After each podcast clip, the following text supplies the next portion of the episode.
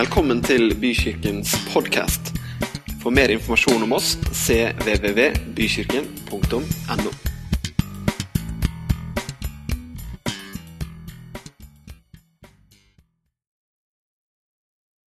Dere, vi skal dele noen tanker i dag. Er du klar for det? Det er bra. Jeg har tenkt himla mye. Eh, og så skal, vi, eh, så, skal vi, så skal jeg dele noen av de tankene. Og I dag så har jeg lyst til at vi skal snakke litt sammen. Kan dere være med på det? Eh, det blir jo at jeg snakker mest, men vi skal likevel snakke litt sammen. Er du med på den? I dag så er det en fantastisk oppmuntrende tittel for noen. For andre ikke. Men det Nå er det nok! Jeg vet ikke om noen kjenner seg igjen i en eller annen versjon av den setningen. Nå er det nok! Ungene har trukket deg mer og mer opp gjennom måltidet, eller sjefen, eller eh, partneren din, eller et eller annet. Men nå er det nok! Kan ikke, du kan ikke du snu deg til den som ved, sitter ved siden av deg? Og så fortell om en eller annen sånn 'nå er det nok'-situasjon du har hatt ganske nylig. Det er ikke tvang, men det er veldig fint hvis du gjør det. Og så, og så, og så, og så sitter vi ikke og ljuger i kjerka, dere. Slapp av, dere skal ikke fortelle historiene høyt etterpå.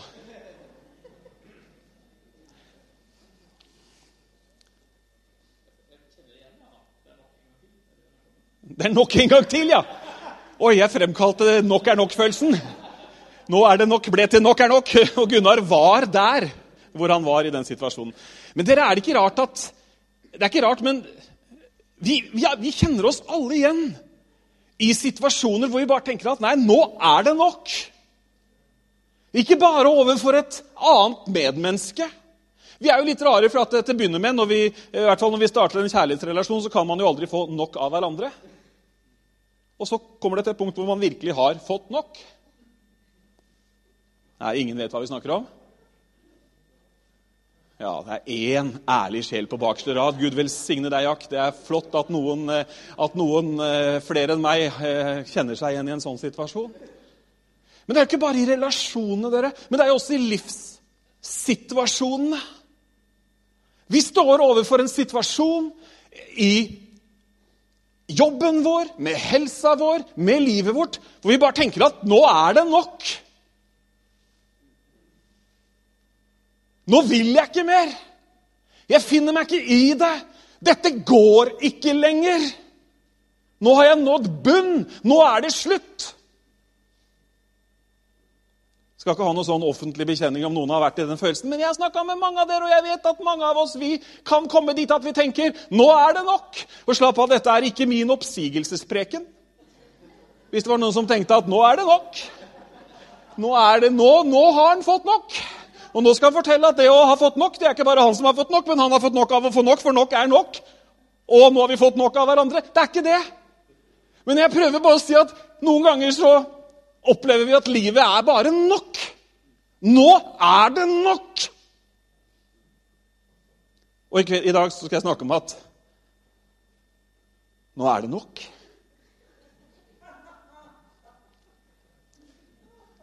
Nok av hva da? Ja, Det skal du snart få vite litt mer om. Men nå er det rett og slett nok. Du skjønner at du er ikke aleine om å være der. Denne boka er full av mennesker som syns at det er nok. Denne boka som er skrevet til oss, som forteller oss hvem vi er, hvordan Gud er, og hvordan Gud tenker om oss, og hvordan han kan hjelpe oss. Denne boka er full av mennesker som levde et liv i hverdag og i sus og brus og dus, men som kom fra tid og annen til et punkt hvor de sa 'nå er det nok'. Og Da er det litt interessant å finne ut hva gjør disse folka når det er nok. For det som er interessant for deg og for meg, er jo ikke å bare sitte og ha et sånt 'nok er nok'-party. Nå er det nok-party. Vi har slutta, vi har kapitulert, vi har kasta en håndkle. Vi melder oss ut av dette livet. Det er ikke et alternativ. Dessuten er det, ikke, er det ikke engang vi som skal styre når vi skal ut av dette livet, for det er en annen som er livgiveren, det er en annen som har skapt livet, det er en annen som har ført deg og meg inn i vår tid. Likevel så kommer vi til at nå er det nok. Det var en profet som mange av dere har hørt om, som heter Elia. Elia fikk det gledelige oppdraget å gi beskjed til kongen at det skal ikke regne før jeg sier at det skal regne. For å gjøre en lang historie kort, Denne historien finner du i første og andre kongebok om Elia. Men Elia han er en av de mest kraftfulle profetene, for det ble sånn som Gud hadde sagt han. Det regna ikke. Han gikk og sa dette til kongen. Kongen likte dette her så lite at Elia han måtte gå i dekning.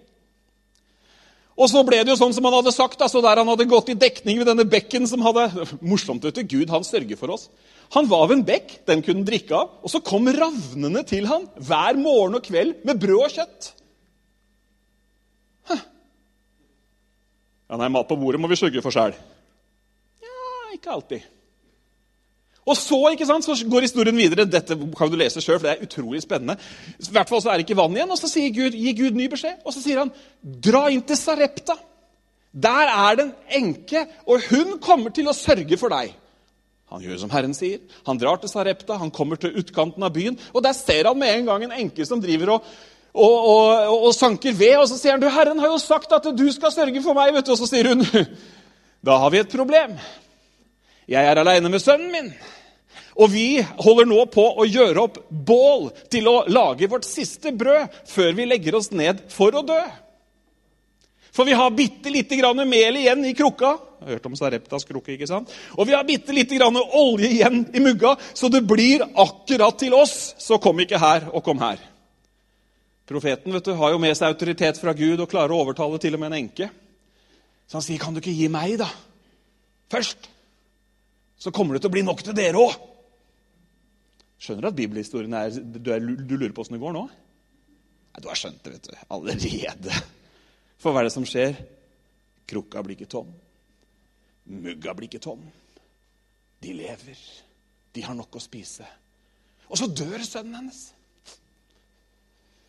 Og da, vet du Enka hun er jo et ærlig menighetsmedlem. Så hun tar jo ikke til takke med en eller annen bortforklaring om at dette var sikkert Guds vilje. Hun sier, 'Du, han Gud som du sier at du tjener, altså hallo! Er det dette han driver med?' Så Elia han tar med seg gutten opp på rommet. Og så forteller han noen sannhetens ord til Gud. Han gjør i to-tre runder. Og så vekkes gutten til live igjen, og så går han ned til enka som får sønnen sin tilbake. Og vi kunne fortsatt. Det er mange, det er mange, mange interessante detaljer. Men Elias som har flykta, han lever borte. Men så sier Gud, nå skal du gå til kongen igjen. Kong Akab og dronning Jesabel. Han gjør det, selv om han ikke vil det. På veien for å finne kongen så møter han en han kjenner, Obadia. Og, og Obadia han er litt fin, for han, han Hør på den her. Elias sier til Obadia, 'Gå til kongen og si at jeg må snakke med ham.' Og så sier Obadia, som var en Herrens tjener, han òg, 'Ja, særlig at jeg skal gå og fortelle kongen at du vil snakke med ham.' 'For når jeg kommer tilbake, så har vel ånden flytta deg et annet sted.' Skjønner du hvilke dimensjoner de levde i? liksom? Snakk om å leve overnaturlig. liksom. Men nei da, Elia han forsikrer om at nei, jeg skal ikke skal ikke flyttes av London et eneste sted. Det er verken Philip Airlines eller noe annet som slår til nå. Nå er, det, nå er det rett og slett Nå skal jeg snakke med den. Og så går vi over til den neste store hendelsen. Han snakker med kongen. Og på den tiden så er Elia er den eneste profeten omtrent som er igjen. Det er Bal som dyrkes. Det er Bal templene bygges til. Det er hundrevis av Baal-prester, av Baal-profeter. Og Så reiser denne Elias seg, og så sier han det at La oss ta to okser nå. Dere kan velge først. Og så la oss bygge et alter. Og så skal vi en gang for alle slå fast hvem det er som er Gud. Denne, denne historien må du ha med når vi skal snakke om at nok er nok. Kan du se det for deg? 950 profeter og prester på den ene sida. Som bygger et alter. De deler opp oksen slik som troen dem sier at de skal gjøre. Og så har jo Elias sagt at den guden som svarer med ild, han er Gud. Ja, ja, det er det enige. Det er greit. Og disse Baal-profetene vet du, de hopper rundt. Jeg synes jeg ser det For meg For meg så blir det nesten sånn tegnefilm. Men det var ikke tegnefilm. De hoppa rundt og ropte og 'Send ildball!' Og 'Nå må du vise hvem du er!' Og Elias står på sidelinjen. Kanskje de skal rope litt høyere, for han hører jo ikke. De tar nye runder, og så sier han kanskje, kanskje han er på ferie. Må kalle han tilbake. Og de roper, og det står at de kommer i profetisk henrykkelse. Og ingen verdens ting skjer. Tenk deg den flokken på da noen hundre. Og så er Elias sin tur. Bygger et alter. Tolv steiner for de tolv stammene. Deler oksen opp. Og så sier han, han har, han har tydeligvis noen som hjelper, hent litt vann. Så henter de noen krukker, og så tømmer de over. Han har, han har gravd grøft rundt også, da, den her eh, offerplassen. Og de tømmer. Hent mer vann, sier han. Og de tømmer. du. De gjør dette brennofferet, som det da skal være, så søkkende vått. Herlig. Og så sier han, fritt oversatt Gud, det er jo du som er Gud. Nå er, på, nå er det på tide å vise det. Og så slår Guds ild ned og fortærer ikke bare offeret, ikke bare steinene, men det, ilden slikker vannet opp av grøfta. Hvem er det som er Gud? Dette er jo et nederlag av dimensjoner for Akab og Jesabel, kan du si. Så rett etter dette her Det er jo helt sprøtt. Rett etter dette her så kommer et sendebud fra Jesabel som truer Elia og sier ja, nå må jo jeg la det skje. Altså, Gudene måtte forby at ikke jeg skulle la det samme skje med deg som du har latt skje nå med Bals profeter. For jeg glemte å si at han tok dem ned til elva og tok livet av dem alle sammen. Så flykter Elia, og det er der vi går inn i historien.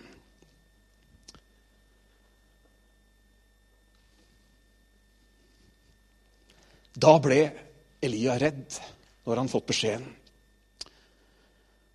Da ble Elia redd, gjorde seg ferdig og dro av sted for å berge livet. Han kom til Ber Sheba, som ligger i Juda. Der lot han tjenestegutten sin bli igjen, og selv gikk han en dagsreise ut i ødemarken. Der satte han seg under en gyvelbusk og ønsket at han måtte få dø. Hva sa han for noe? Nå er det nok, sa han. Ta mitt liv, Herre, for jeg er ikke bedre enn fedrene mine. Så la han seg til å sove under gyvelbusken. Da rørte en engel ved han og sa, 'Stå opp og spis.' Og da han så seg om, fikk han øye på et lite nybakt brød og en krukke med vann like ved siden av hodet sitt. Han spiste og drakk og la seg igjen. Men Herrens engel kom en gang til, rørte ved han og sa, 'Stå opp og spis, ellers blir veien for lang for deg.' Da sto han opp og spiste og drakk og styrket av maten gikk han 40 dager og 40 netter til han kom til Guds fjell Horeb. Der gikk han inn i en hule som han var i om natten. Elia hadde kommet opp i en helt vanvittig situasjon.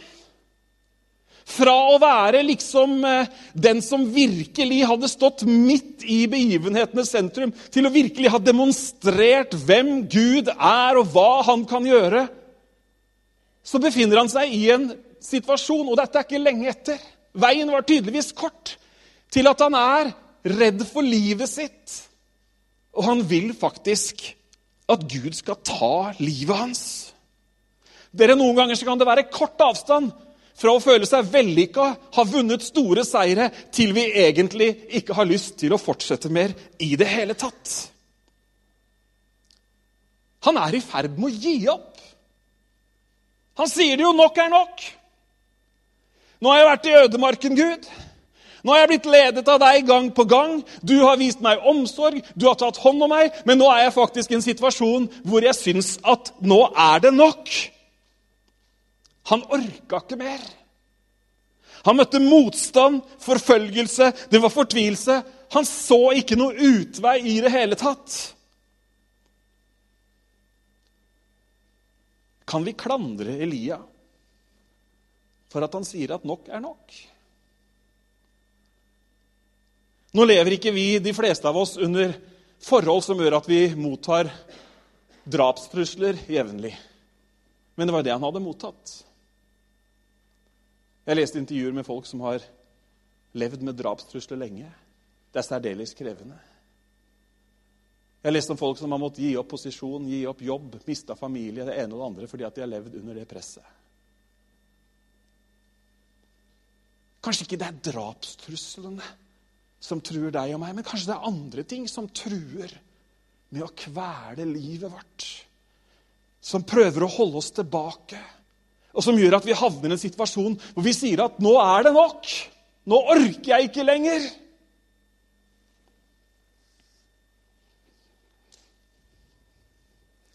Kan vi klandre Elia for å si det han sier? Jeg vet ikke. Det virker i alle fall som seieren han akkurat har vunnet over Baals profeter, er glemt.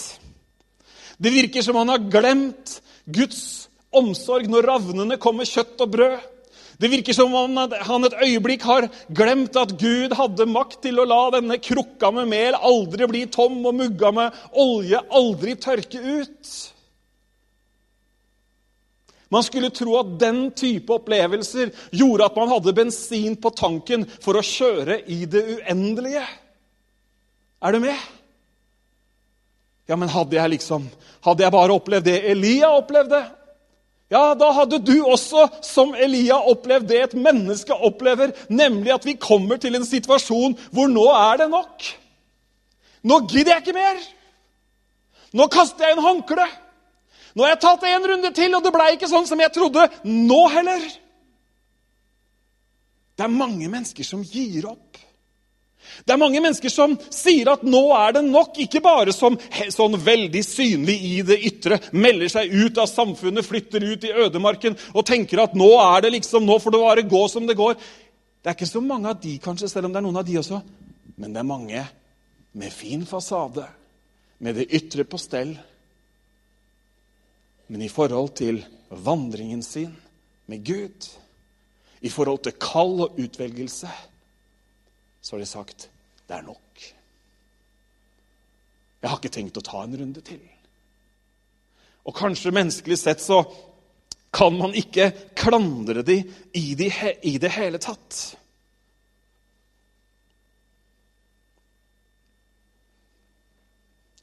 Hvordan fikk Elia hjelp, da? For det slutta jo ikke under gyvelbusken.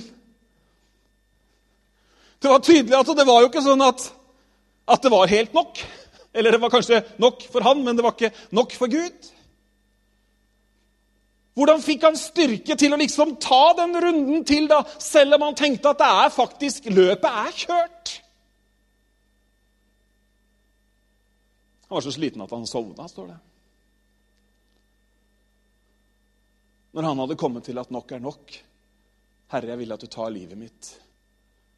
Så faller han i søvn. Og så dukker Herren sjøl opp.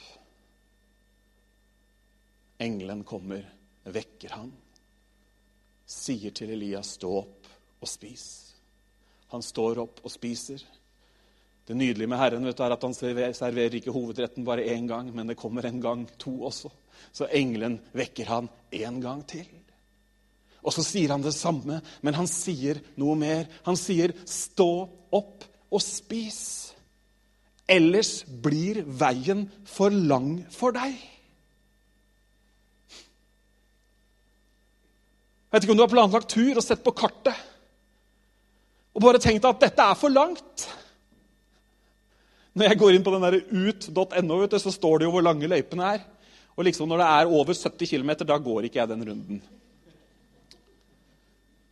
Jeg tenker meg en gang til om før, det, før jeg går 17 nå, skal jeg si det, men det kan vi ta en annen gang.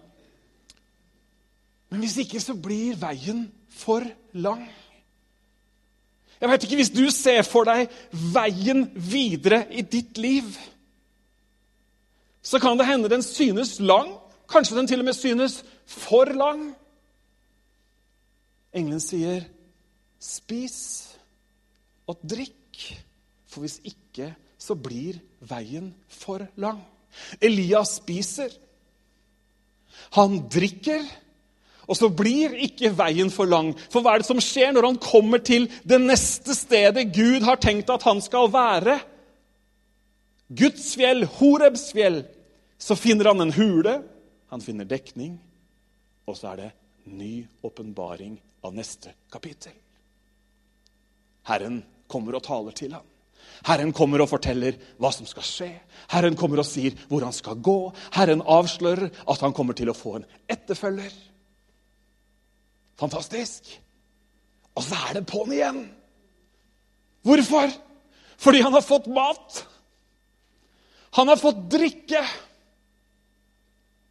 Og vet du hva jeg tror det står? Ja, det var et brød som var på den steinen. Men som vi vet, mye av det vi ser i Det gamle testamentet, er bilder på åndelige sannheter i den nye pakt. Fordi det er en som kalles livets brød. Det er et brød som kalles brød fra himmelen. Og jeg er helt sikker på at når Gud kommer med brød, så er det mer enn mel og olje og salt i det brødet. Hvordan kunne han få styrke? Hvordan kan vi få styrke til å gå én distanse til?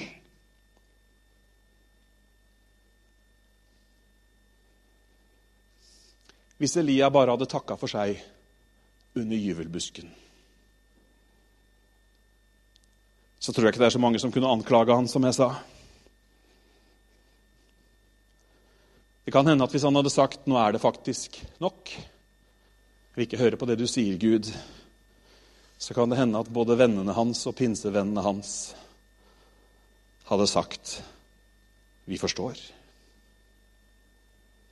Vi skjønner. Vi støtter deg uansett hva du gjør.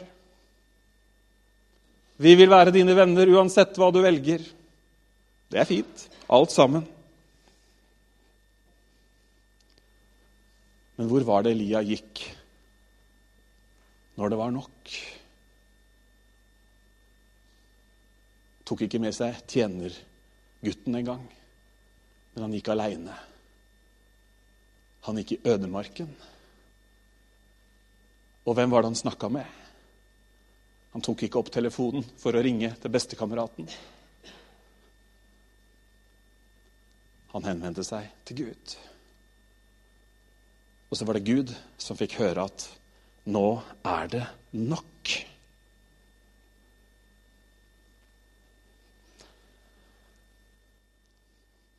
Hvor går jeg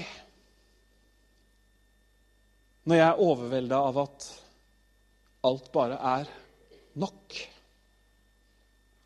Hvem kobler vi med når følelsen er at 'nå klarer jeg ikke mer'?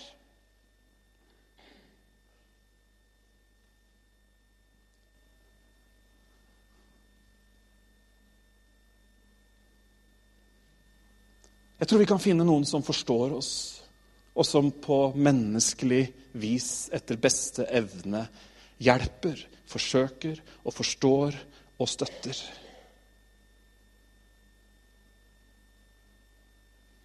Men han som kommer med brød og vann,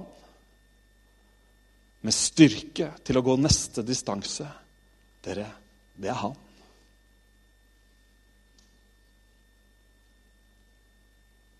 Vi kan heie på hverandre, ja. Vi kan få opp stemningen litt. David sier i salmene alle mine kilder, alle mine kilder, de er i deg. han møtte også mer enn én situasjon hvor han tenkte at nå er det over. Nå er det slutt. Her i Norge, i trygge Vesten, så er det de aller færreste som lever med trusler mot sitt fysiske liv fra en ytre fiende. Men det er mange som lever med trusler mot sitt liv åndelig, men også fysisk. Når sykdom truer, når ting skjer osv., så, videre, så leder det oss fram til at vi tenker nå er det nok. Og noen har jo tenkt ja, det er jo bedre å være i himmelen hos Gud enn å møte de utfordringene vi gjør her i livet. La Gud være den som eh, styrer livslengden vår. Noen velger å gjøre det slutt. Og Noen har til og med gått så langt etter min mening, som å si at hvis noen velger å gjøre det slutt sjøl, så kommer de ikke til himmelen. Da vil jeg ha kapittel og vers på det. Generelt, i alle livets utganger, så er det ikke opp, opp til oss å dømme. Vi kommer til å møte mange i himmelen som vi ikke trodde at skulle være der i det hele tatt. Men fra å være en situasjon hvor han tenker 'nå er det nok', så får han ny kraft. Han får det han trenger til å gå neste runde.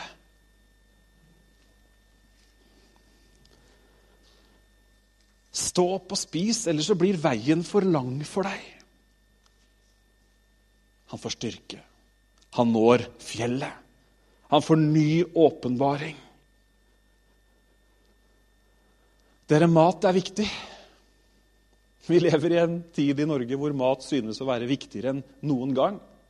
Kortreist mat og langreist mat og proteinrik mat og kalorifattig mat og karbohydratrik mat og det ene og det andre. Den maten gir deg fysisk styrke til å klare noen timer til. Bibelen snakker dere om en mat som ikke dreier seg om proteiner, karbohydrater og fett, og om alt dette her er i riktig forhold til hverandre. Profetene snakker om en annen mat. Jeremia sier til Herren, 'Jeg fant dine ord, og jeg spiste dem.' Dine ord ble til fryd for meg og til glede for mitt hjerte. Hm. Hva var det Jeremia leste? Hva var det Elia hørte.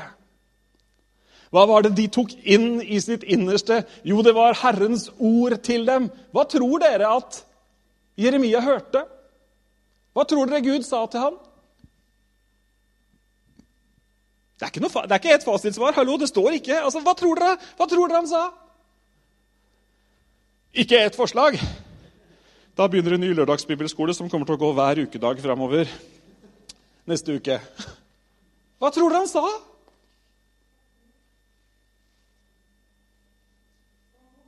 Fatt mot, ja. Hva annet sa han? Hva annet tror du Gud minner han på? At han er elska. Det står at det ble fryd i hjertet på han, vet du, så han fikk nok beskjed om at han var høyt elsket, verdifull.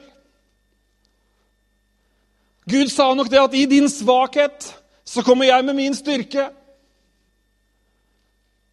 Gud sa nok det at 'Jeg som kalte deg, jeg er trofast'. Gud sa nok det at 'jeg skal være med deg absolutt alle dager', også når du syns at nok er nok. Og jeg er helt sikker på, som du sa, at han sa 'med en evig kjærlighet har jeg elska deg'. Dere, når vi deler ut bibler til femteklassingene. Når betweensene denne høsten har fått bibelleseplaner, og sender SMS til lederne sine når de er ferdig med den ene planen fordi de vil ha den neste. Når vi deler dette her i life-grupper på søndagene osv., så, videre, så er det jo ikke sånn der konkurranse om å score topp i den åndelige disiplinen bibellesning. Hallo! Det er ikke flink pikekonkurranse. Jeg har lest hele Gamle testamentet fire ganger. Nei, det er jo mat. Hallo! Det er ny styrke. Altså, Denne maten fikk Elia til å ta neste distanse. Hvem kobler vi med når det er nok? Who are you going to call?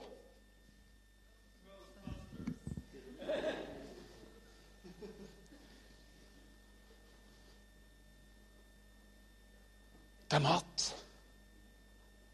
Noen ganger så har vi gjort Hva skal man kalle det? De åndelige disiplinene. Vi har gjort de til religiøse gjøremål, som om de var hellige i seg selv. Bibelen, bønnen, tilbaketrekkingen, nøysomhet Altså alle disse klassiske tingene. Og så er det en helt annen hensikt. Hensikten er at vi skal få mat til å ta en distanse til. Hvem kobler du med? Rett etter at du har sagt 'nok er nok'. Jeg har en kamerat som jeg ikke snakker, eller som ikke jeg møter sånn kjempeofte.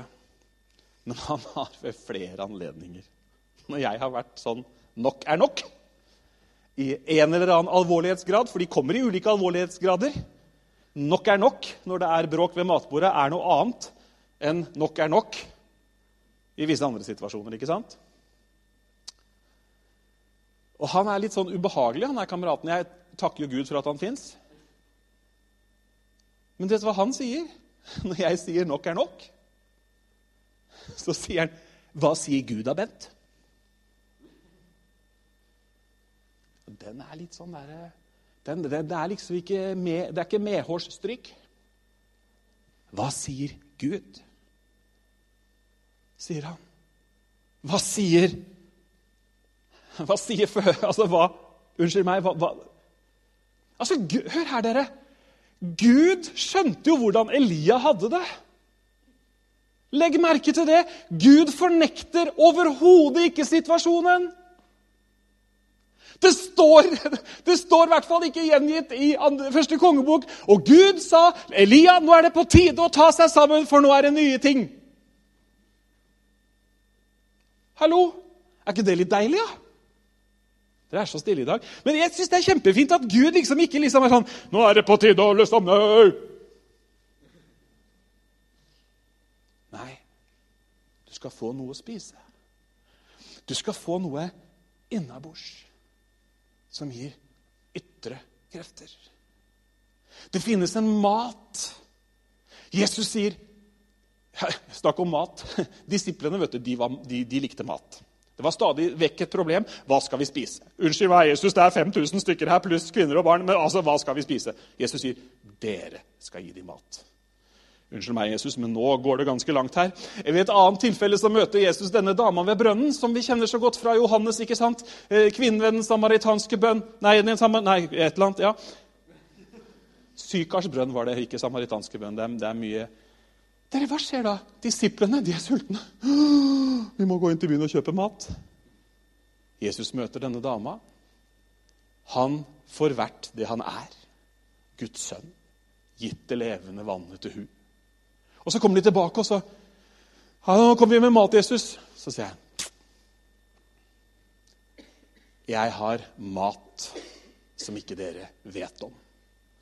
Disiplene de tenker jo ikke lang tid. 'Å ja, nå har det vært noen andre her og gitt den mat.' Han hadde sikkert en fruktnøtt på baklomma.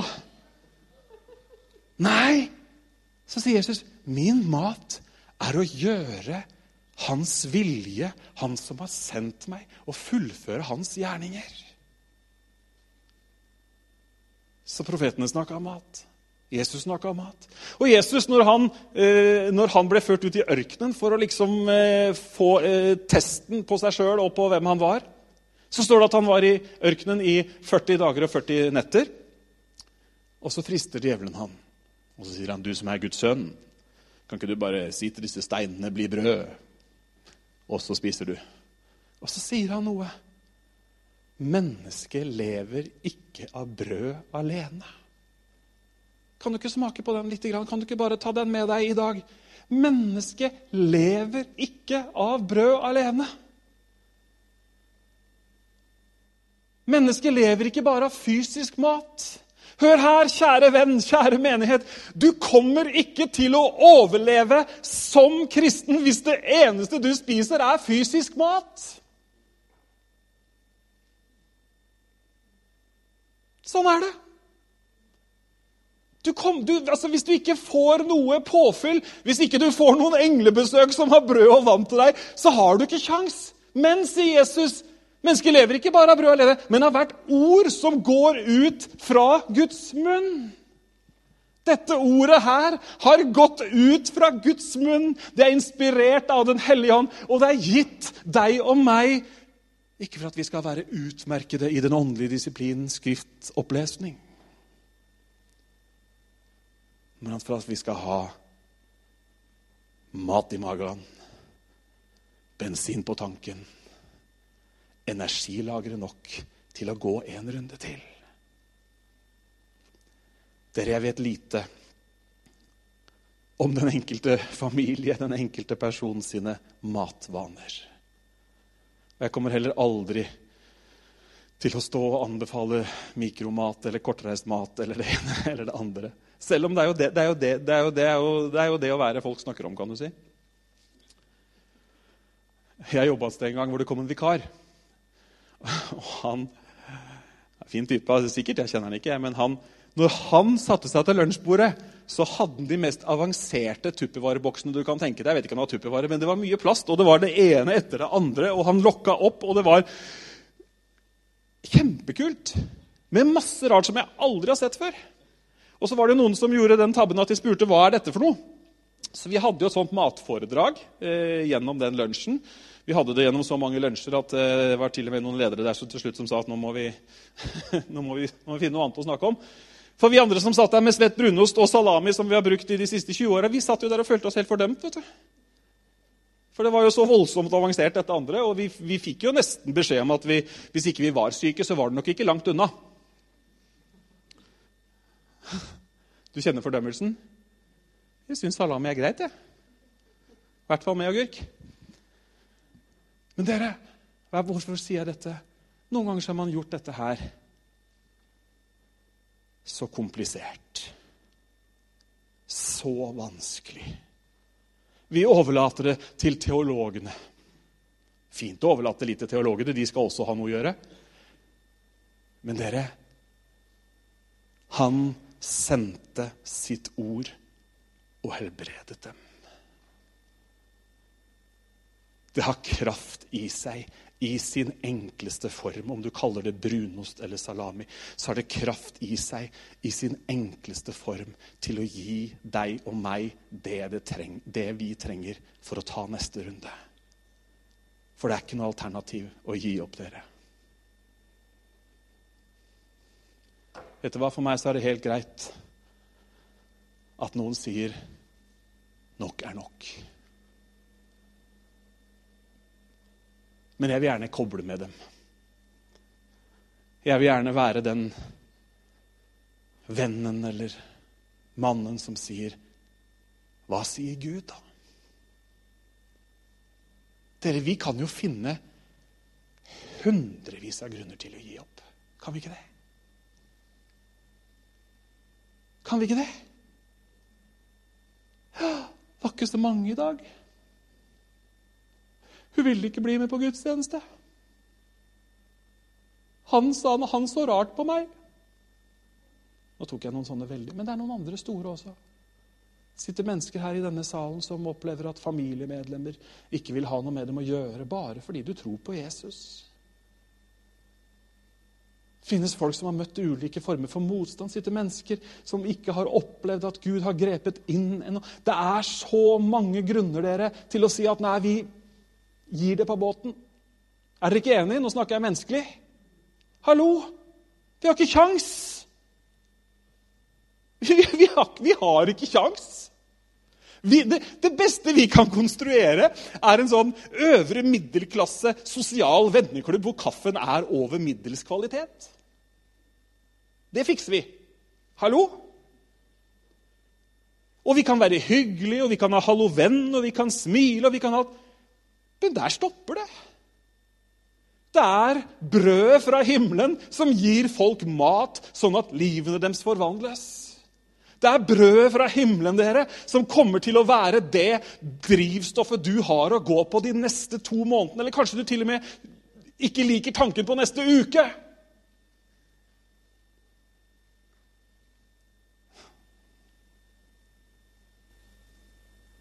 Herrens engel kom når han var så sliten at han ikke orka mer. Når han hadde sagt 'det er nok'. Når han hadde sagt, 'Ta livet mitt, avslutt dette, Gud'. Så kom Herrens engel med mat å spise, med vann å drikke. Paulus sier det til korinterne. Vi har alle fått Vi har alle fått én ånd å drikke. Dere, Gud har omsorg for oss. Hørte du hva jeg sa? Han har omsorg for oss. Han bryr seg. Han vil oss det beste.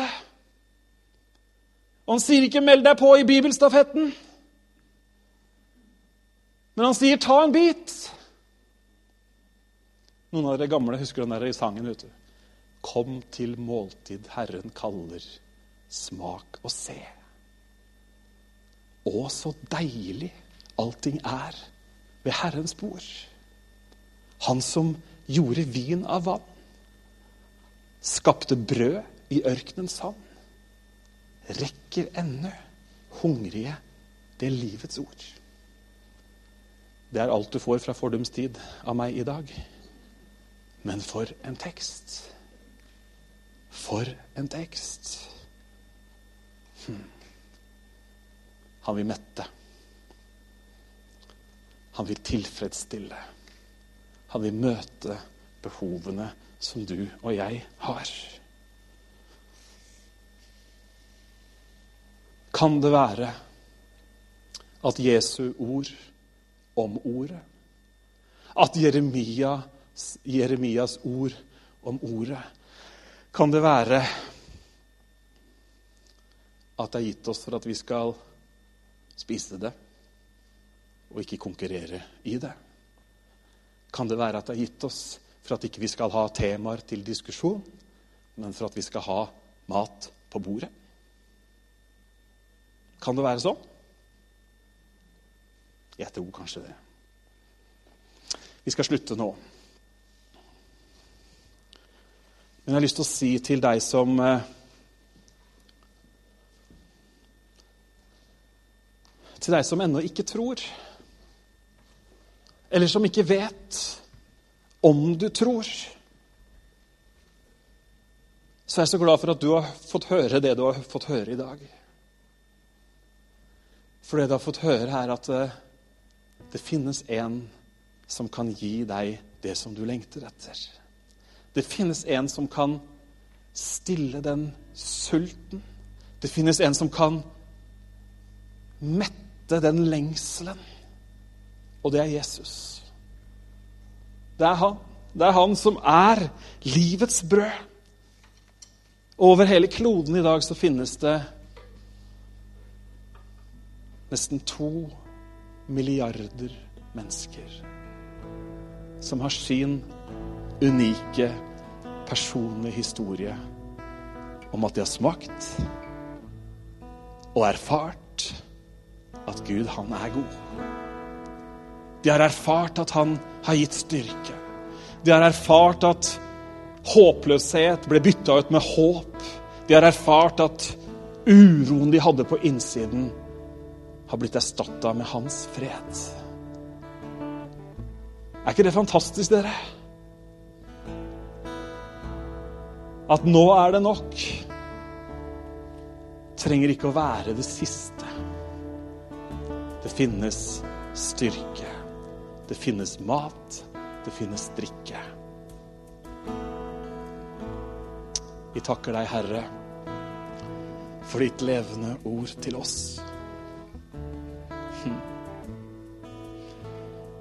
Takk, Herre, for at ditt ord, det er levende.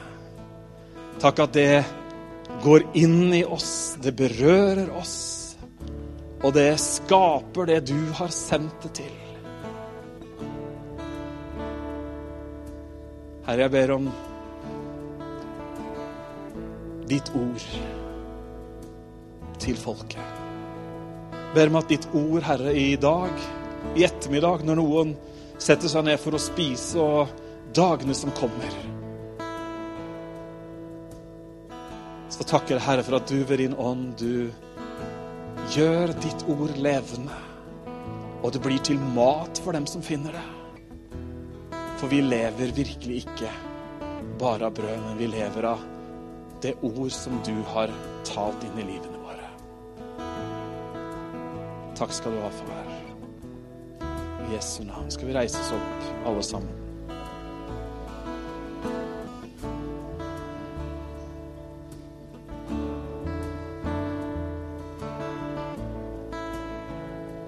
Det er alltid sånn når vi deler Guds ord, så,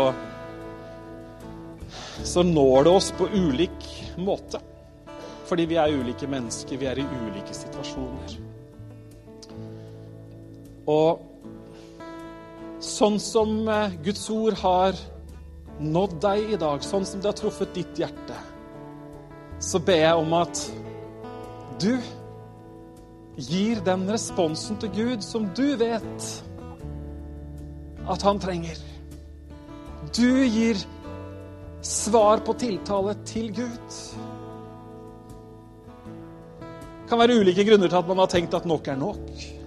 Kan være i ulike steder man er på livet i forhold til, eh, i forhold til Guds liv osv. Jeg har bare ett budskap i dag, og det er at nok Det er at